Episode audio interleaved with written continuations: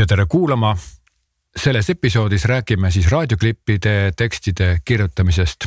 mille poolest üleüldse eristub raadioklipp teistest reklaamikanalitest või kui me räägime nagu sõnumist, siis kuidas on raadioklipp hoopis teistsuguse sõnumi positsioneeringuga kui näiteks teleklipp või välimeedia või, või võtame mingi printreklaam või, või mingisugune muu kanal, siis raadioklipp on täiesti eriline ja hoopis teistmoodi kanal, kuigi ta tundub jah, väga sarnane sarnane, aga tegelikult ta on hoopis teistmoodi kanal. kui me näiteks võtame kõik kogu videotoodangut, siis videot lastakse igale poole nii Instagrami, nii Youtube'i kui ka telesse, kui ka mm, välimeediasse kohati tänapäeval juba läheb, kui ka poe siseekraanidele, ehk siis video puhul kehtivad alati nagu ühed reeglid. video juurde panna hääl, siis nagu see kõik koos mängib nagu ühte tervikut ja kui me vaatame reklaamisõnumi edastamist, siis äh, sa annad nii pildiliselt kui ka heliliselt, kusjuures pilt ja heli on mõlemad, no siin võib vaielda jah, aga nad on ikkagi mõlemad äh, väga tähtsad. siis raadioklipi puhul me räägime ainult helist. nüüd, kui me vaatame mm, raadioklipi sõnumi vastuvõtmist, siis on hoopis teine lugu. näiteks äh, kui sina sõidad autoga, juhid autot, siis öö, teleklippi sina vaadata väga ei saa. pikka mm, teleintervjuud vaadata samamoodi ei saa, blogipostitust lugeda samamoodi ei saa, printi, printreklaami sina samamoodi vaadata ei saa, rääkimata Facebooki, interneti bännerites, võib-olla sa võid neid silmata jah, aga noh, nagu vaadata ja nii-öelda tarbida neid reklaamikanaleid sa ei saa, aga raadiot sina saad autoga sõites täiesti vabalt tarbida, sa saad tarbida ka joostes, koristades, mingisuguseid muid asju tehes või näiteks kui sa kõnnid mm, kaubanduskeskuses ja sealt tuleb kaubanduskeskuse helisüsteemist tuleb reklaam, siis sa samamoodi tegelikult tarbid ikkagi seda reklaami, nii et raadioreklaamil on üks väga suur e e eristuv argument on see, et kusagil kuuskümmend, seitsekümmend protsenti tarbitakse raadioreklaami siis, kui sa parasjagu teadlikult ei tarbi, vaid kuulad seda justkui taustaks. jah, sa saad ka televiisorit kuulata taustaks. aga no te saate aru, et see pole ikkagi see, sest televiisori puhul on, on ikkagi mängib pilt sõnumi juures väga suurt rolli. aga raadioklipi puhul ongi kogu sõnum on edasi antud ainult häälega, täpselt nii nagu meie praegune episood on edasi antud samamoodi ainult häälega tegemist on siis ajalise meediumiga, sellepärast et noh, loomulikult võiks raadioreklaami tellida, tellida nagu mingit jube pikkasi klippe, eks ole, aga noh, selle jaoks pole ju kellelgi raha ja ma ei tea, kas ka meie kuulajad viitsivad seda pikka reklaami vastu võtta nii et raadioreklaam on mm, tavaliselt kakskümmend sekundit mm,, vahel ka kolmkümmend sekundit, vahel ka pikem. kui me kuulame mingisuguseid Super Bowli või mingisuguseid muid raadioreklaame Ameerikas, siis jah, seal on nagu ma ei tea, minut ja poolteist minutit ja niimoodi noh, et ütleme, need on juba siuksed nagu reklaamlõigud. aga noh, sihuke tavaline raadioreklaam, see, millest me täna siin loengus praegult räägime, see on ikkagi sihuke kakskümmend, kolmkümmend sekundit, pigem kakskümmend sekundit, ehk siis tegelikult kui me nüüd võtame kakskümmend sekundit, siis kakskümmend sekundit on väga lühike aeg ja selle aja jooksul mingit sihukest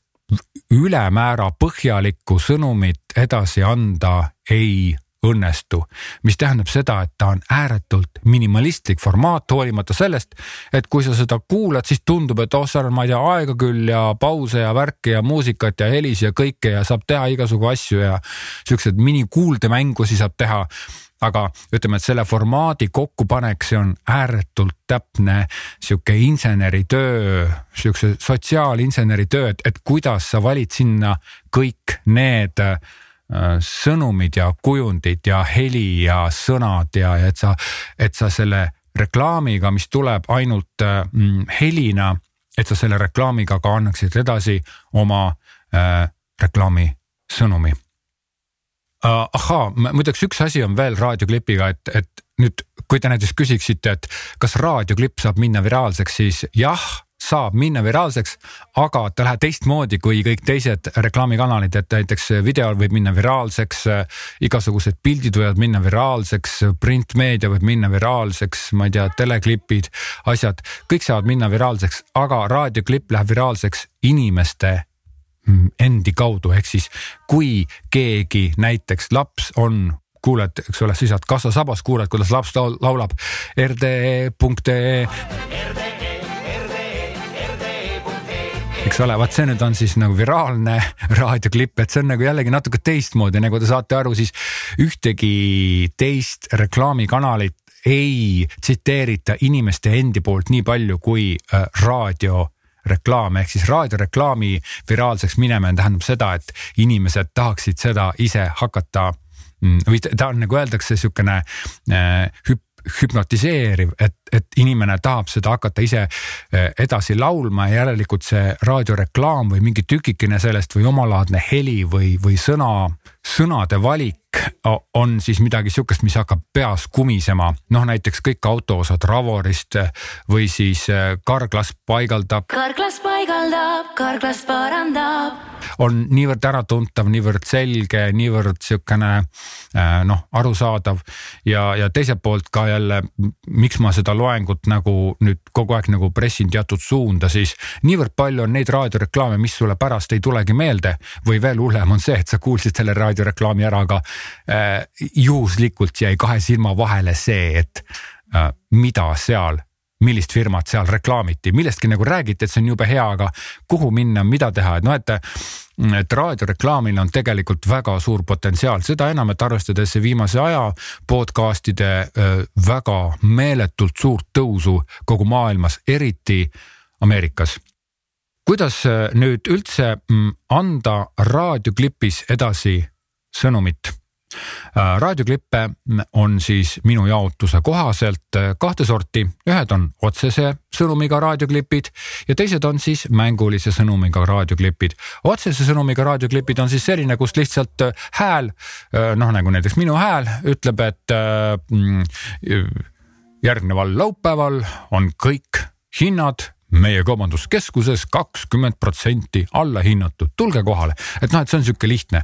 nüüd, kui me räägime mängulise sõnumiga raadioklipist, siis äh, mängulise sõnumiga raadioklipp on see, kus siis kas siis toimub mingisugune äh, nagu sündmus, mida siis kajastatakse või mängitakse, see on nagu sihukene pisikene nagu raadioteatrikene, väike näitemängukene ja selliste mänguliste raadioklippide puhul mind kohutavalt häirib see, kui see väike näitemängukene tehakse ära, aga see tehakse ära amatöörhäältega, kes äh, ütleme siukse äh, kuuenda klassi tasemel suudavad siis nagu äh, ilmekalt lugeda mingisugust teksti, aga noh, nad ilmselgelt ei vea seda rolli välja, nad ei vea isegi oma seda labast süžeed seal välja, nii et noh, ta on siukene koolilaste, kooli, ütleme kooliraadiosse võib-olla jah, sobiks siukene asi, et näete, me tegime oma esimese raadioklipi, aga raadioeetris on siuksed näited nagu päris palju aga kuulame siia vahepeal nüüd ühte näidet, milline on otsese sõnumiga raadioklipp astu läbi uuenenud Tammsaare Statoilist. avamise puhul kohv üks euro, kaheraudne tavalise hot dogi hinnaga ning Shine Lux pesu neli eurot soodsamalt. pakkumised kehtivad neljateistkümnenda septembrini. kohtumiseni Statoilis. ehk siis äh, absoluutselt lihtne kerge ja nüüd äh, võiks mõtelda, et noh, et kas siis, kas, kas üldse nagu selle otsese sõnumiga raadioklipi tegemiseks on vaja nagu, nagu õppida või kas sinna oleks vaja nagu midagi siis noh, üldse seda teksti kuidagi koostada, et see on nagu pressiteade ju. ei, see ei ole pressiteade, sest tegelikult ka siin on väga palju varjundeid. selle öö, raadioklipi puhul on alati kohutavalt tähtis see, kes loeb peale loetud teksti, näiteks kui loeb mõne, mõni naisterahvas. raha sa oled üks igavene reetur. koos läheme välja, aga tagasi tulen alati üksi. või loeb mõni noor kutt tere, palun üks kahetoaline keskküttega korter Mustamäel. või loeb mõni küpsem naisterahvas. ilusa kodukeskusesse, palun. või loeb mõni noorem naisterahvas, keda ma nimetan näiteks päikesejänkuks. Aloha Hawaii ostuöö Rannarootsi keskuses. Äh, et see, see on väga tähtis ja tegelikult kelle häälega see informatsioon on peale loetud, äh, see, sellest sõltub ka see, mismoodi see sõnum sinuni jõuab, näiteks äh, sellepärast kasutatakse ka Eestis on, on kohutavalt ära leierdatud mõned siuksed jämedamad, jämedamad ja mehised raadiohääled, eks ole. no minul ilmselgelt ei tule siukest raadiohäält, aga aga noh, nad on nagu ära leierdatud sellepärast, et kõik ju tahavad, et raadioeetris kõlaks sihuke mõnus mehine ja kare hääl, eks ole. samas äh, naisterahva häälte puhul äh, siis selline klišee lähenemine on see, et see hääl on sihuke kohutavalt tütarlapselik ja sihuke seksikas süütu, sihukene päikesejänku, aga ta peab kindlasti olema nagu seksikas naishääl. et noh, et, et kuidagi see sihukene naisterahva sellise loetud, tütarlapse loetud hää, sõnum, et, et kuidagi no seda on nagu mõnus kuulata või siis teistpidi jälle sihukene maalakas mees hääl, et kui tema, et see sõnum nagu mõju, töötab nagu paremini, noh tegelikult äh,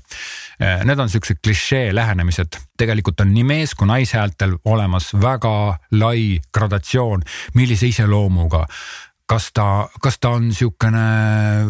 noh, võib-olla nagu pisut nagu ehmunud või et ta ei tea, mis toimub või on ta siis konkreetne, arvab, et see sõnum peab olema kindlasti niimoodi loetud, ehk siis nagu te näete, see tekst, mida ma tegelikult loeksin, on üks, aga mm, varjundeid on jube palju, et kui ma ütlen, et kui Arno isaga koolimajja jõudis, olid tunnid juba alanud. Või siis näiteks, et kui Arno isaga koolimajja jõudis, olid tunnid juba alanud. Või siis näiteks niimoodi, et kui Arno isaga kolimajja jõudis, olid tunnid juba alanud. et näed, näed siit ma, ma võin siit veel edasi lasta niimoodi tunni jagu, eks ole, erinevaid varjundeid, mul ei tule võib-olla nii palju, aga ma leiaksin neid erinevaid hääli, erinevaid lähenemisi, sellepärast et, et sageli arvatakse, et raadiohääl peab olema täpselt sihuke nagu raadios on harjutud kuulama, aga tegelikult on mõtet raadiohäält ikkagi valida läbi selle, milline on bränd ja see sõnumi vajadus nüüd vaatame seda, et millest üldse mm, koosneb raadioklipp. Äh, enamasti ütleme Eesti oludes enamasti on tegemist kahekümne sekundi pikkuse klipiga, vahest ka kolmkümmend, aga enamasti kakskümmend niimoodi, et meie teiega räägime siin praegult kahekümne sekundilistest klippidest. siis äh, juhul, kui see raadioklipp võib-olla sisaldab mingit sihukest mängulist, mängulise sõnumiga äh, reklaami mm, sellist mm, ülesehitust, siis äh, võib-olla peaks see, seda, seda olukorda natukene sisse juhatama. näiteks äh, selline lihtne case, et toimus autoavarii. ja nüüd mees hääl, kes on mures, ütleb midagi sellist. ai sa pagan, mis nüüd saab, et noh, et ta, tal on sihuke mure ja tal ei ole kindlustust ja siis võib-olla tuleb naisterahvas kuidagi mingi pilve pealt ingli häälega, kes ütleb, et oi, ei ole midagi, teil on kindlustus, kõik teie kulud saavad kaetud ja auto on homme täpselt nii nagu uus, et noh, et, et, et aga sellisel juhul, kui au,, kui autoõnnetus juhtus, siis eh, noh, me ei saa ju panna meest kirjeldama, et no nüüd juhtus autoõnnetus, põmm, eks ole, ja siis ta hakkab oma, et oi pagan, mis nüüd, vaid et me peame selle autoõnnetuse ju tegema. ja siis on järelikult vaja teha mingit sissejuhatust. nii-öelda, et esimene asi, millest raadioklipp kuul-, koosneb, on sissejuhatus. sissejuhatust ei ole alati vaja, vaid äh, ainult nagu teatud juhtudel mm, ja, ja noh, vahest saab ka mingi, ütleme sihukest mingit kontseptuaalset või mingit joke'i või nalja teha, noh et see raadioklipp algabki kas siis pika pausiga või, või pika mingisuguse sihukese heliga, mis valjeneb või, või ükstapuha kuidas. igal juhul sissejuhatus vahest kuulub, see on vajalik selle jaoks, see on nii nagu videos on establishment shot, eks ole, ehk siis, et inimene üldse saaks aru, millest jutt on või, või kus kohas see tegevus toimub. nüüd teine osa, vältimatu osa, millest siis raadioklipp koosneb, on häälega edasi antav sõnum loomulikult, eks ole, keegi peab ju seda sõnumit edasi andma, eks, et noh, et see nüüd äh, täiesti vältimatu osa raadioklipi puhul äh,. sissejuhatus võib ära jääda ja igasugused helitaustad, muud asjad võivad ära jääda, aga, aga nii-öelda häälega edasantav sõnum peab olema ja noh, nagu te aru saate, siis mitte ainult öö, siis see varjund, selle hääle tooni varjund, selle hääle karakter või, ja olukord või, või ükstapuha mis muu, mitte ainult need, vaid ka äh, see tekst, mida ta loeb. näiteks äh, noh mm,, sa, sa võid ju ütleme panna mingi noore kuti lugema ja siis sa tahaksid tegelikult juba seda teksti ka teha sedasi. et see tekst oleks ikka sihuke noore kuti räägitud tekst sihuke mm,, ma ei tea, eile käisime nagu peol ja no nagu täiega lahe on, et noh, et, et siis, siis sa juba, sa juba tegelikult selle teksti kirjutamisel juba arvestad sellega, milline on see karakter, kes seda teksti ette loeb. või võtame jälle mingi võib-olla midagi soliidsemat. noh, et mõni sihuke vanahärra. eile õhtul asusime meie liikuma peolt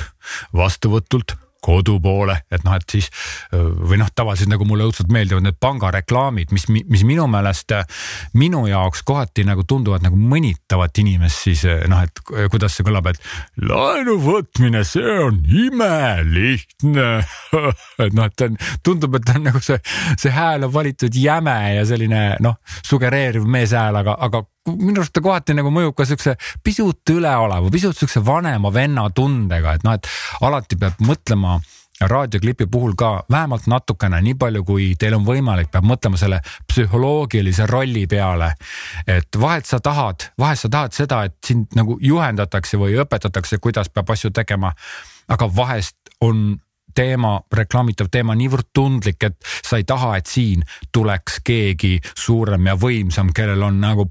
pappi nii palju kui nagu kolm mäge on ju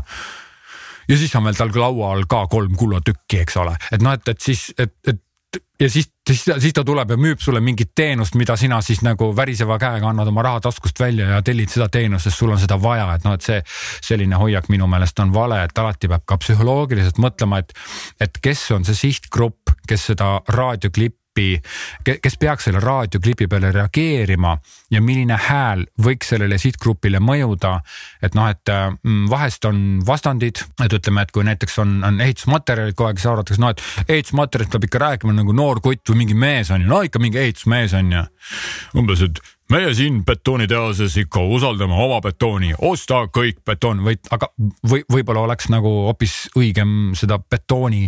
reklaami teha hoopis mingisuguse noore naishäälega või, või siis nagu pisut mahlakama naishäälega. Eh, kes ütleb, et, et, et kas teate, poisid, betoon, see on nii kõva asi, et lihtsalt ma ei saa, ostke kõik betoon meilt, et noh, ma ei tea, see oli võib-olla natuke rõve, aga põhimõtteliselt psühholoogiline mõtteviis ei ole midagi sellist, mida sa saaksid nagu koheselt hakata tegema ja mõtlema ja oskama. aga see psühholoogiline mõtteviis, kus sa mõtled sihtgrupi peale, mõtled teema peale, mõtled olukorra peale, on vältimatu raadioreklaami tegemisel, sellepärast et hästi lihtne on raadioreklaami teha niimoodi, et sina oled kusagil keegi, kes kirjutab mingisuguse teksti valmis. see tekst lastakse lihtsalt läbi kellegi, kontrollitakse ära, läheb stuudiosse ja sa ei teagi, kes seda häält seal teeb, kes seda teksti sisse loeb. ja, ja ma olen ise agentuuri aastatele seda küll ja küll näinud, et kuidas sa teed ja mõtled ja mismoodi see võiks tunduda, aga seal on nii kiire ja lihtsalt kusagilt see tekst läks ja pärast sa kuuled seda raadioklippi, see on nagu mingi sihuke labane klišee sellest mõttest, mis algselt sai mõeldud, et noh, et, et, et tegelikult on niimoodi, et raadioklipi tegemisel ei, ei ole ainult see, et sa kirjutad teksti, vaid see on see, et kuidas seda teksti loetakse, kes seda teksti loeb, millise hoiakuga, millise, ma ei tea, tundega ja nii edasi. nii et äh, raadioklipi kõige olulisem element on pealeloetav tekst. kolmas asi, mis äh, raadioklipi puhul samamoodi on väga oluline, on taustahelid ja taustamuusika loomulikult taustamuusika on noh, seda tavaliselt tehakse niimoodi, et võetakse lihtsalt mingist, et noh, et nendel raadiostuudiotel, kus, kus raadioklippe tehakse hästi palju, seal on mingid helipangad on ostetud, seal on kõik täpselt ühe samasugune helipanga muusika, soundstocki muusika, eks ole, ta kõlab alati ühtemoodi. siis võetakse seesama tingel-tangel sealt, lükatakse sinna taha ja läks lihtsalt. paremal juhul siis valitakse selle raadioklipi mingi selline temaatika välja väga harva tehakse raadioklipi jaoks eraldi muusika, see on, see on, see on ikka üliharva, sellepärast et noh, see loomulikult on see ka kallim. aga mm, vahest kasutatakse raadioklippide jaoks ka mingisuguseid siukseid väiksemaid äh, helipankasid, mis on, kus on nagu võib-olla huvitavam muusika ja sihuke eristuvam ja teistmoodi muusika, mis on, mis annab sellele mm, helile väga palju juurde, mis annab sellele raadioklipile väga palju sihukest omapära juurde, sellepärast et kui ma nüüd veel kord tuletan teile meelde, miks pärast üldse reklaami tehakse, siis mitte sellepärast, et tundmatuseni samastuda kellegi teisega eelmise ja järgmise reklaamiga, vaid reklaami tehakse ikkagi sellepärast, et eristuda, järelikult kui selleks eristumiseks on, on meil võimalik kasutada teistmoodi taustamuusikat, siis kindlasti seda peaks tegema. või siis on jälle see, et, et noh, kui, kui me seda taustamuusikat kasutame, et siis peab ka mõtlema, et, et noh, kindlasti ei saa raadioklipis lasteval taustamuusikal olla mingisuguseid väga tugevaid, tugevasti lauldud sõnu. Jah, saab olla sõnad nii-öelda lau, lauluga muusika, aga enamasti seda laulu ei ole kuulda. sellepärast, et äh, raadioklipis see muusika on ikkagi hääle taustaks ja ta justkui nagu ümbritseb seda äh, pealolugeja häält, mitte et sa ei kuula ainult seda mm, äh, laulu nojah, muidugi viimasel ajal on ka see, et eh, Eesti raadiot ka juba noh, et kohati tellitaksegi raadioklipiks tellitaksegi laul ja see laul kõlabki nagu ja siis pärast tuleb lihtsalt lõpu voice over ütleb peale mingisuguse väikse call to action sõnumi, aga. sinu pakk on hoolega hoitud. muusikavalik on samamoodi väga tähtis ja sina kui raadioklipi teksti kirjutaja pead alati äh, hästi mm, nagu konkreetselt ja hästi nagu targalt juba ette nägema, et milline see muusika seal võiks olla. Ja muideks, kuna mm, ütleme stuudios, kus raadioklippi tehakse, neil on helipank olemas omale endale ilmselt ostetud, see on seal mingi kohutavalt palju. Või siis nad kasutavad mingisugust online panka, siis äh, helipanka, siis äh, noh, nad suudavad leida igat moodi muusikat, ütleme, et näiteks, et kui kaks sõbrannat räägivad ja, ja üks ütleb, et ah, ma just tulin Pariisist ja nüüd kostab all kohe selline Pariisi muusika. Ja teine ütleb, et ah, ah, see pole midagi, ma käisin just äh, nagu Berliinis Rammsteini kontserdil ja siis kostab jälle mingi sihuke Raiu Rammsteini muss seal taga, et noh, et et äh, kindlasti ei saa me ei mingit originaal Pariisi akordionipalu ega Rammsteini muusikat reklaamis kasutada, sellepärast et neid miljoneid lihtsalt Eestis mitte kellelgi ei ole, aga äh, saab leida taolist muusikat, nii et reklaami äh,, raadioreklaami teksti kirjutajana on sinu ülesanne kas siis leida midagi taolist või siis äh, nagu pakkuda välja, et milline see muusika peaks olema, mis selles äh, raadioklipis kõlab nüüd äh, taustahelid, lähme taustahelide juurde. taustahelid on äh, loomulikult väga olulised osad. nüüd äh, kui me räägime üldse raadioformaadis, siis tähendab sellest hetkest, kui mm, sisselugeja loeb sisse selle jutu, selle sõnumi, mis läheb raadioklippi sellest hetkest kuni sinna hetkeni, kus raadioklipp, raadioreklaami klipp kõlab raadios, see heli läbib väga pika sihukeste protsesside jo, joru jada. ehk siis seda heli töödeldakse ja selle heli töötlemise nimi on äh, kompressioon ehk siis see heli nagu pakitakse kokku niimoodi, et äh, noh, põhimõtteliselt äh, ei, ei saa teha niimoodi, et näiteks sa kuulad, ütleme, et, et sa teed siukse raadioklipi, kus naisterahvas jalutab Kadrioru pargis ja ütleb mm,. oh kui ilus sügisel on siin Kadrioru pargis jalutada ja leht, jalgadega lehtedest sahistada. ja nüüd, et, et me ütleme nagu niimoodi, et siis peaks olema Kadrioru pargi heli ja jalgadega lehtedest sahistamise heli, siis sihukest asja ei saa teha, sellepärast et see äh, taustaheli, mis on, peaks olema hästi äratuntav konkreetne heli. vastasel korral äh, jalgadega sügisestes lehtedes sahistamine tuleb lihtsalt mingisuguse kõva sahinaga. muideks, äh, kas te teate seda, et, et üks väga keeruline ülesanne on, on raadiostuudio mehele sihuke asi nagu sosina, mm, sosinaga loetud sõnum, sellepärast et raadioklipis peab olema see heli maksim-, maksimaalselt üles pampitud, üles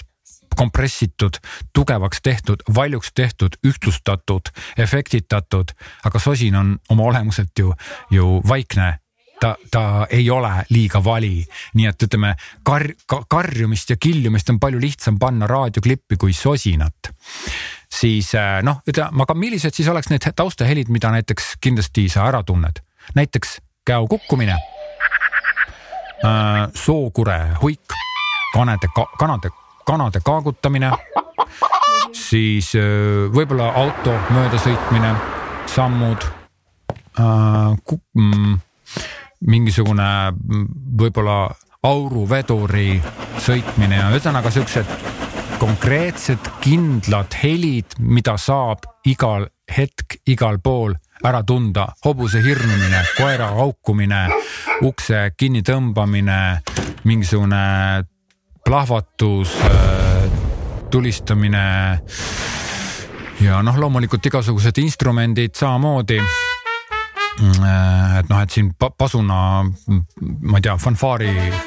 mingi huik, eks ole, ka neid on nagu võimalik kasutada, aga mingisugused siuksed kahtlaseid, näiteks ütleme, et, et jõuluajal võiks olla ju väga loogiline, et, et näiteks sihuke jõuluklipp, kus mees istub kamina ees ja räägib ah, kui mõnus jõuluõhtu, istun siin oma perega rahulikult kamina ees ja noh, nüüd võiks siis taustaks olla kaminapragin, aga tegelikult see kaminapragin, inimene ei pruugi teadvustada, et see ähmane vali praksuv sahin, mis siin taustaks oli, et see on kamin, vaid see on lihtsalt mingi sahin. Äh, samamoodi on näiteks, kui sa kallad kohvi äh, tassi, et nüüd võiks öelda, et see, et see solin igal juhul tähendab kohvitassi kallamist. ei, see ei tähenda. see on, see on solin see võib olla ka näiteks äh,, mm, näiteks sama soli, mis laps pissib pissipotti, eks ole, et see sõltub nagu vastuvõtjast. aga usu mind äh,, sa ei taha, et sinu reklaam annaks mingisuguseid kahtepidiseid sõnumeid läbi selle, et sa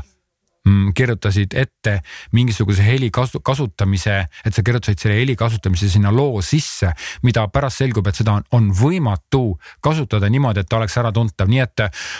raadioklipi tekstide kirjutamisel, kui sa kasutad taustaheli, siis see taustaheli peab olema hästi konkreetne. lennuki õhku tõusmine on väga kaheldav võib-olla seda saab, aga ma pigem seda ei soovitaks. jah, heade kõrvaklappidega palun kindlasti hea heli, stereo helisüsteemiga, kui kodus on täiesti vaikne, mitte keegi mitte midagi ei ütle, kuulad raadioklippi, oled üksinda ideaalses, perfektses äh, kümnetuhandelises nii-öelda kümne tuhande eurose helisüsteemiga, kuulad sa toas üksinda raadioklippi, ta töötab. Aga noh, autos sõites kusagil mööda minnes, sa, sa ei pööra sellele tähelepanu. Peamine asi, mida sa kuuled, on sõnaline osa ja taustahelid peavad olema sellised, mis toetavad. ja muideks selline asi, pidage meeles, poe siseraadiosse mingisuguseid taustahelisid mina panna üldse ei soovita, isegi mitte äh, muusikat, sellepärast et seal poes see lihtsalt ei kosta välja. Ja, ja kui te ka sõidate autos, siis pange tähele, kui te kuulate raadiot sõitvas autos, kas te panete tähele, kui palju seal autos läheb kaduma sellest mm, helist. Ehk siis äh, kogu raadiost tulev heli mm, osaliselt äh, lämmatatakse ära auto enda kohinas, sahina selle noh, mõnel autol on ka mootori hääl, aga, aga üldiselt autos on mürafoon on nii kõrge, et äh, ka vaiksemates ja uuemates autodes, et tegelikult sa ei kuule kõiki nüansse, mida sa tegelikult istudes kodus üksinda vaikses toas kõrvaklappidest kuuled, et noh, et, et selles mõttes on, on ütleme raadioklipis igasuguste sihukeste mm, pisut võib-olla ebamäärasena äh,, ebamäärasust võimaldavate helide kasutamine taustahelidena on väga äh, taunitav, ma ei soovita seda mitte kunagi teha. nii ja öö, viimane osa, mis raadioklippi kuulub, on siis call to action või bränditunnus või slogan suurima valiku üürikortereid Tallinnas ja Tartus leiad www.kv.ee kaldkriips üürikad. lõpus peab olema mingisugune call to action, mida inimene teeb. Ka siis, kui sa ütled näiteks, et äh, aga Rimis on sel nädalavahetusel äh, hinnad all kolmkümmend protsenti. et, et noh, võib-olla sellisel juhul ei peaks olema call to action'it seal lõpus, aga näiteks äh, praegune, praeguse loengu äh, ülesanne on kodukindlustus. see on päris raske aga kodukindlustuse sa, sa pead ju ütlema, et noh, kust, kus ma siis pean minema, et ma seda kodukindlustust nagu saan. okei okay,, tänapäeval on olemas Google, on olemas kõik asjad, siis äh, tegelikult ikkagi äh, psühholoogiliselt mõjub hästi, kui inimesele ütelda ette, et mine aadressile www.sesam.ee ja see ja võta sealt, vali sealt, otsi sealt midagi iganes nüüd call to action, call to action võib olla ka mingisugune muu asi, mingi tegevus, tule pühapäeval meie laadale äh,. tule meie perepäevale mm,, ma ei tea, külasta meie uuenenud kauplust või midagi sihukest.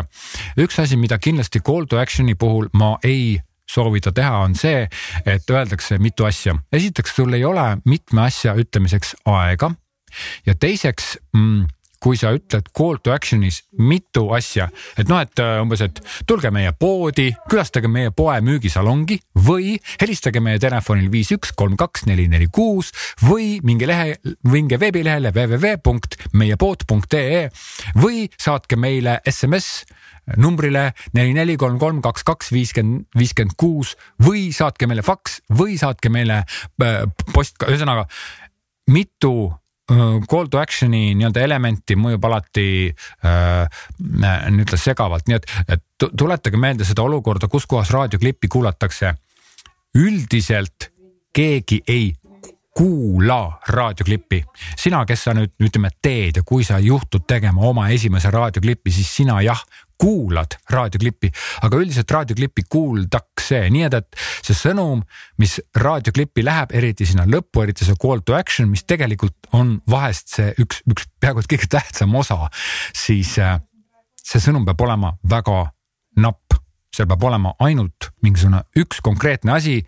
mida teha ja see peab olema selgelt ja lihtsalt välja toodud, et noh, et ütleme, kui on veebiaadress, siis näiteks eh, www.telia.ee, noh siis www.telia.ee, no et siis tavaliselt pealelugeja, sa ei tea ju, kuidas ta loeb seda, siis ei ole vaja sinna www. et noh, et eh, või ütle, ütle seda lihtsalt, et mine Telia EE lehele ja vaata sealt, et noh, et, et tegelikult seda juba kõik, see on, see on nagu selles äh, nagu sihuke kõne, suupärane, kõnekeelne jutt. Äh, et sa pead seda kuidagi nii lihtsalt ütlema, et kui inimene ei ole fokusseerinud sinu loodud sõnumile, siis ta kuuleb seda ja talle jääb see meelde. et see on nagu hästi oluline asi, mida call to action'is siis äh, silmas pidada.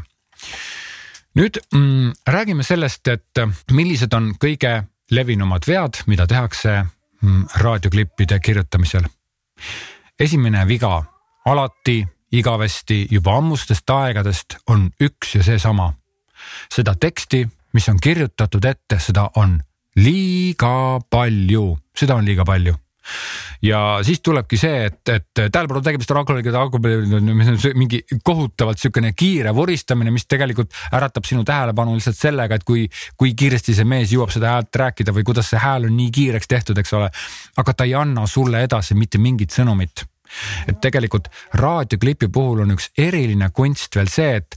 kuidas mitte võimalikult palju ütelda sõnu, vaid kuidas võimalikult vähe ütelda sõnu ja võimalikult tähendusrikkalt. et äh, näiteks äh, paus on raadioklipis väga tõhus vahend vahest, et kui ma ütlen niimoodi, et äh, kui Arno isaga koolimajja jõudis, polnud tunde veel alanudki, et noh, et nüüd põhimõtteliselt selle pausi ajal te mõtlesite, et ma lõpetan selle lause nii nagu ikka. aga kui ma nüüd jät-, ütleksin sellesama lause ilma pausita. kui Arno isaga kolima jõudis, polnud tunnid veel alanudki, et noh, et siis, siis tegelikult ta mõjub hoopis teise lausena, nii et paus on vahest isegi sama tähtis kui mingisugune öeldud sõna. selle asemel, et raadioklipp otsast otsani pilgeni täis kirjutada keerulist teksti, tuleb raadioklipp kirjutada selliseks, et seda oleks rahulik lugeda, seda enam, kui sa loed äh, raadioklippi enda arust enda kirjutatud teksti loed ette stopperiga, siis sa tavaliselt loed niimoodi. kui Arno isaga kolima jõudis, olid tunnid juba alanud, kõik. aga tegelikult äh, on raadioklippide tekstiga selline moment, et äh, kui sa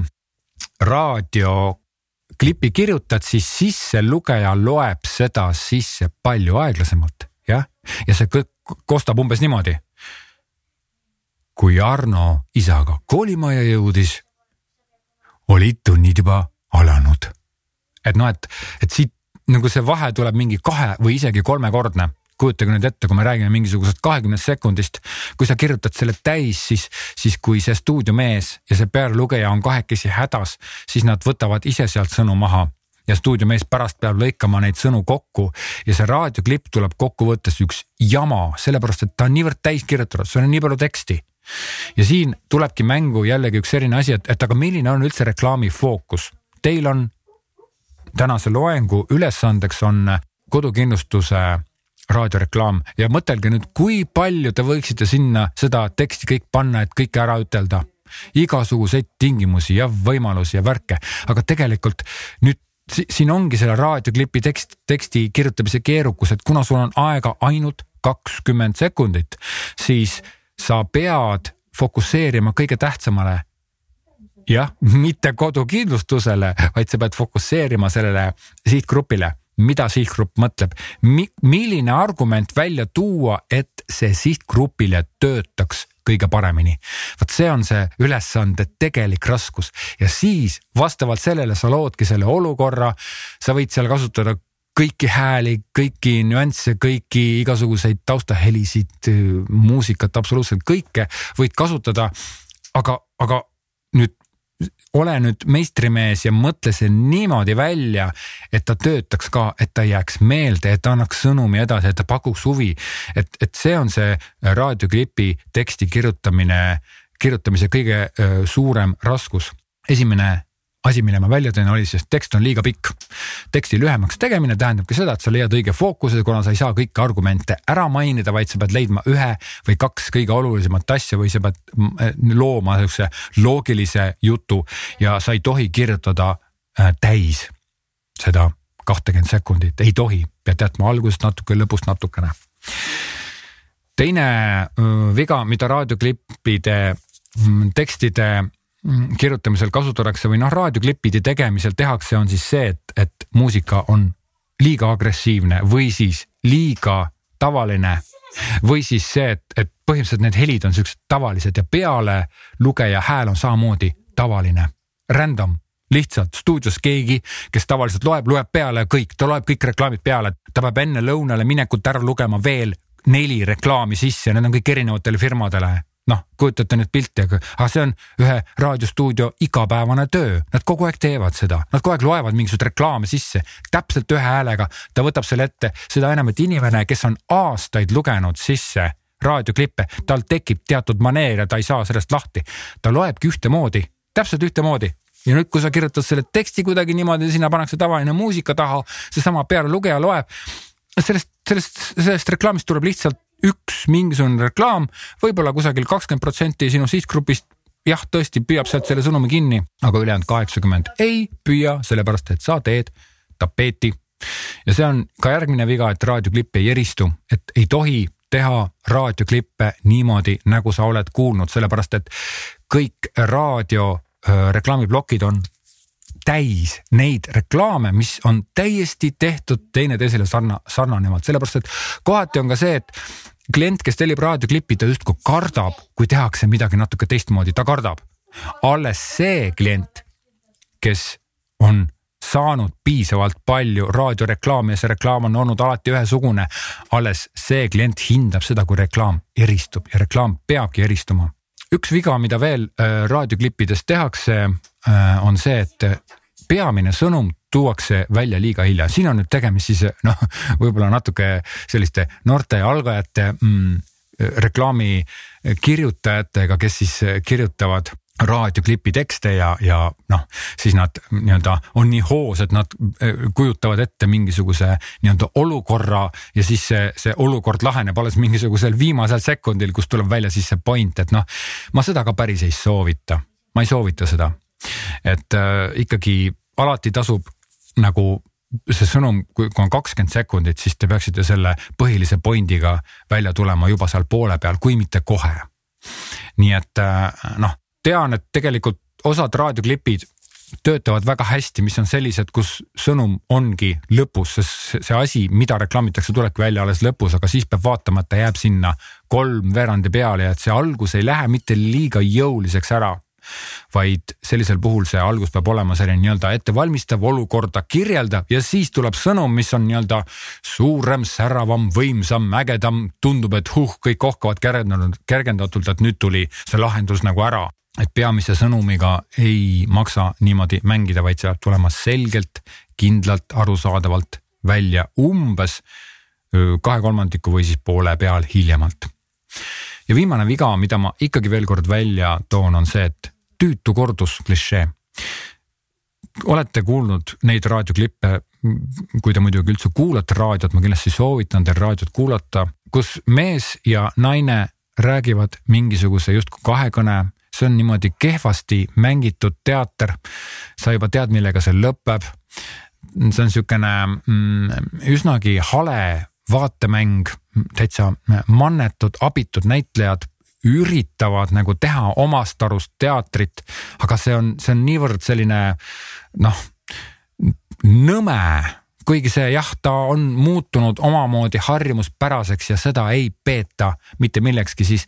kui me räägime, ütleme üldse reklaamitekstide kirjutamise õppimisest, siis reklaamitekstide kirjutama õppimisel kindlasti sihukest asja ei tohiks teha. kui te tahate teha äh, näitemängu, mees räägib, naine räägib raadioteatrit, palun, või kaks sõpra räägivad või, või räägib kaks-kolm inimest, siis palun tehke, aga mm, äh, kirjeldage neid karaktereid, valige sinna konkreetsed näitlejad mingisugused staarid, kes äh, ka samamoodi sõna võtavad kusagil meedias, kelle hääl on tuntud. valige sinna karakterid, ärge lihtsalt ütelge, et nüüd mees ütles, naine ütles, sihukest asja ei tohi teha, sellepärast et siis te lihtsalt olete selle klišee edasikandja, klišee kultiveerija, genereerija, sellepärast et klient, kes seda äh, raadioklipi teksti sinu käest vastu võtab, ega tema ju ei tea, tema vaatab, aa jumala lahe lugu, jumala kihvt ja töötab, eks ole. Siis sellest tuleb lihtsalt üks tavaline raadioklipp, alati tuleb panna mehe ja naise hääle juurde tuleb panna iseloom, olukord tuleb kirjeldada, millises olukorras nad on. et tegelikult noh, mees ja naine võivad ka rääkida, et noh, et naine ütleb, et kuule, et aga lähme poodi ja mees ütleb, et okei okay,, hilja on küll, aga okei okay,, käime ära. aga võib-olla see olukord on hoopis kuidagi teistmoodi, nad võivad olla näiteks, nad võivad olla näiteks noh, kas siis nagu üliväsinud et nad peavad olema, naine ütleb, et noh, kuule, kallis, kuule, lähme käime poes ära ja mees ütleb ma ei jõua, aga no jaa küll, et noh, et, et sa tõesti väljendad midagi, sa annad midagi edasi. mul on niisugune lugu, kus mulle kirjutasin raadioklipi, kus ma nägin ette, et et mees ja naine räägivad ja jällegi, eks ole, üks klišee ja siis, aga seal oli see, et, et see naine pidi hakkama kiljuma, sellepärast et ta leidis siis minu reklaamitavast tootest Antile Kotole, keda ta leidis niivõrd vaimustava pakkumise ta pidi kiljuma niimoodi, et see on tõesti kiljumine no loomulikult siis see klipikene siis tuli sealt stuudiost tagasi ja see naise kiljumine, mida ta nagu täiest kõris pidi tegema, oli siukene ah,. kõik, show, eks ole, sihuke tüüpiline Eesti naine kiljumine on sihuke ah mitte midagi ei tule, absoluutselt noh, emotsioon on null, võib-olla null koma null null null üks, eks sealt ei tule mitte midagi välja. inimene stuudiosse minnes, tavaline inimene ei suuda mitte kunagi kiljuda, näitleja suudab, aga näitlejat väga harva võetakse niimoodi, et noh, siis tollesse raadioklippi näiteks äh, tegime niimoodi, et võtsime siis soundipangast, helipangast, võtsime kiljumise ja see oli siis selline päris tõeline kiljumine, kus inimene tõesti nagu kiljub nagu.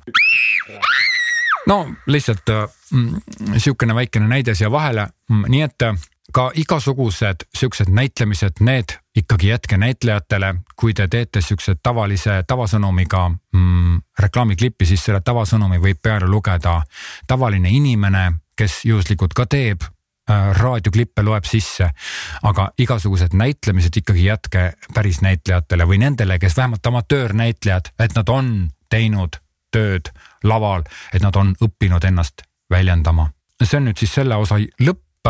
ma loodan, et ma tegin oma pointi selgeks, et teil tekkis mingi ettekujutus raadioklipist.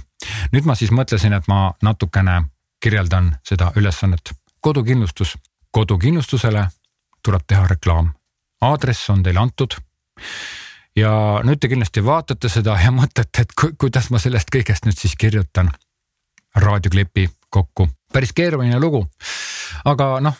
ega, ega hullu ei ole midagi, eks ole, küll neid raadioklippe ka leiab ja, ja võitegi otsida, et millised kodukindlustuse raadioklippe on tehtud. kõigepealt mm, kõige tähtsam asi on see, et te teete üldise reklaami, eks ole, kuna teenus on väga kompleksne, see on väga keeruline teenus, te teete üldise reklaami, te ei tee mingit nagu siin ei ole, selles ülesandes ei ole öeldud, et te peate teatud aspektile tegema, te peate lihtsalt kodukindlustuse tegema. nüüd esimene asi, mida te peaksite hakkama nüüd vaatama, on see, et milline üldse Seesam on, kuidas üldse peaks Seesami reklaam välja nägema, eks ole, esimeses loengus me vaatasime seda, et milline on brändi hääl, no vot näed, nüüd oleks väga oluline osata lugeda või ise nagu tuletada, et milline on äh, Seesami brändi hääl, see on väga oluline. Äh, no ma arvan, et äh, te saate selle brändi hääle kätte, ei, brändi hääle dokumenti ma teile ei anna, seda ei ole, mul ei ole seda, mul puudub igasugune suhe äh, Sesamiga. see on lihtsalt üks väga hea näide, mida ma kasutan teie, teile ülesande andmiseks. Äh, aga te peate selle ise tuletama, te peate selle ise mõtlema, sellepärast et, et ärge te arvake, et kõik reklaamiagentuurides töötavad inimesed alati saavad nagu brändi hääle kõik vajaliku eelinfo kätte. ei, ei, ei, see info tuleb ikka niimoodi, kuule, tee meile, meil on, meil on sinna vaja midagi sellist, kus kusagile midagi ja, ja, ja tavaliselt nii tulebki. mingisuguseid põhjalikke briife kui selliseid on väga-väga harva. kõigepealt esimene asi jah, nagu ma ütlesin, ongi see, milline on Seesam kindlustus üldse, millise tooniga peaks Seesam kindlustuse, kes peaks Seesam kindlustuse raadioreklaamis rääkima. järgmine asi, mida te uurite, on see, et nüüd teil on kodukindlustus, kes üldse on see, kes tellib kodukindlustuse ta on ilmselt koduomanik, eks ole, mida ta nüüd tahab, mida ta ootab, mis on tema mured kodukindlustuse puhul, mis on talle oluline, ärge suhtuge sellesse niimoodi, et ah, ma mõtlen midagi pastakast imen välja, eks ole, pigem uurige. internet on täis igasuguseid foorumeid ja asju, kus räägitakse, selgitatakse, muretsetakse, päritakse, küsitakse, vastatakse, kõike seda. Te saate selle info kätte kasvõi enam-vähemgi. Äh, järgmine asi, mida te nüüd peate nagu välja mõtlema, et kuidas nüüd siis see äh, Seesami kodukindlustus nagu reklaamis välja tuua. kas tervikuna või toote sellest kodukindlustusest välja mingi eristuva argumendi, see argument peab olema eristuv, kellest? konkurentidest, kes on konkurentid, minge ja uurige internetist. et, et kõik need asjad tuleb ise ära teha et te peate välja uurima, ehk siis selle jaoks, et te seda teksti saaksite hakata kirjutama, te peate kõigepealt uurima, milline on seesam, milline on see klient, milline on see sihtgrupp, mida ta tahab. ja, ja siis te jõuate ka ilmselt selleni, et aga millised argumendid on vaja välja tuua, näiteks kui te ka ütlete, et see raadioreklaam on suunatud maja omanikule siis on üks asi, kui on suunatud korteriomanikule, siis on ju hoopis teine asi, sellepärast et inimeste mõttemaailmades on väga suur vahe. üks on majaomanik, teine on korteriomanik. sa teed oma reklaami hästi üldise ja kuigi sa ütled lõppu, et tegemist on Seesami kodukindlustusega, minge vaadake ja nii edasi, siis tegelikult üldise reklaami puhul sa teed reklaami kõikidele kindlustustele, kõikidele kodukindlustustele, nii et sa pead seda Seesamit vaatama sellise pilguga, mis seal teistmoodi on, sa pead oma äh, kodukindlustuse suunama teatud sihtgrupile, kas korteromanikule, majaomanikule. sa pead mõtlema vastavalt sellele argumendid või mingid, ma ei tea, mis, mis tahes asja, olukorra, mida, mida see mm, sihtgrupp võiks tahta. ja, ja see ongi see keeruline mõttetöö, mis tuleb ära teha nüüd vastavalt sellele, kes on siis see sihtgrupp, vastavalt sellele, milline on äh, Seesami kuvand. Äh, vastavalt sellele, millise argumendi sa välja tood, vastavalt sellele peaks olema siis ka see raadioklipi lugeja hääl, lisahelid, lisaelemendid, kõik, mida te kasutate.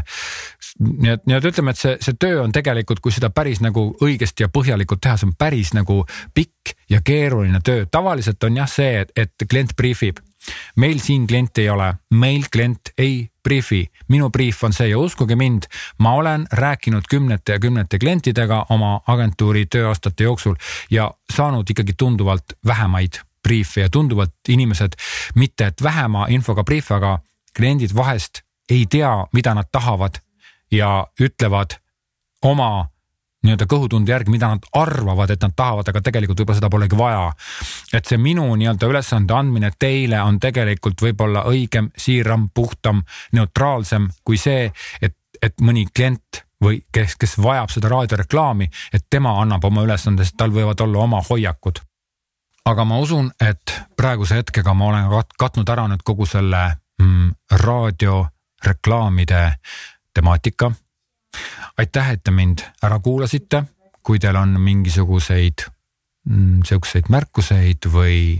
tahate ütelda, et teile kohutavalt meeldis see loeng või tahate öelda, et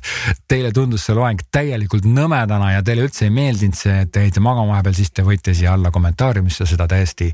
väljendada ja kirjutada, iga kommentaar on mulle oluline ja väärtuslik. aga ma tegelikult siiralt ka loodan, et ma sain teile olla kasulik, et ma sain nii-öelda anda teile ideid ja et te saite selle podcast'i episoodi kuulamise ajal päriselt ka teha midagi muud, näiteks koristada. olge terved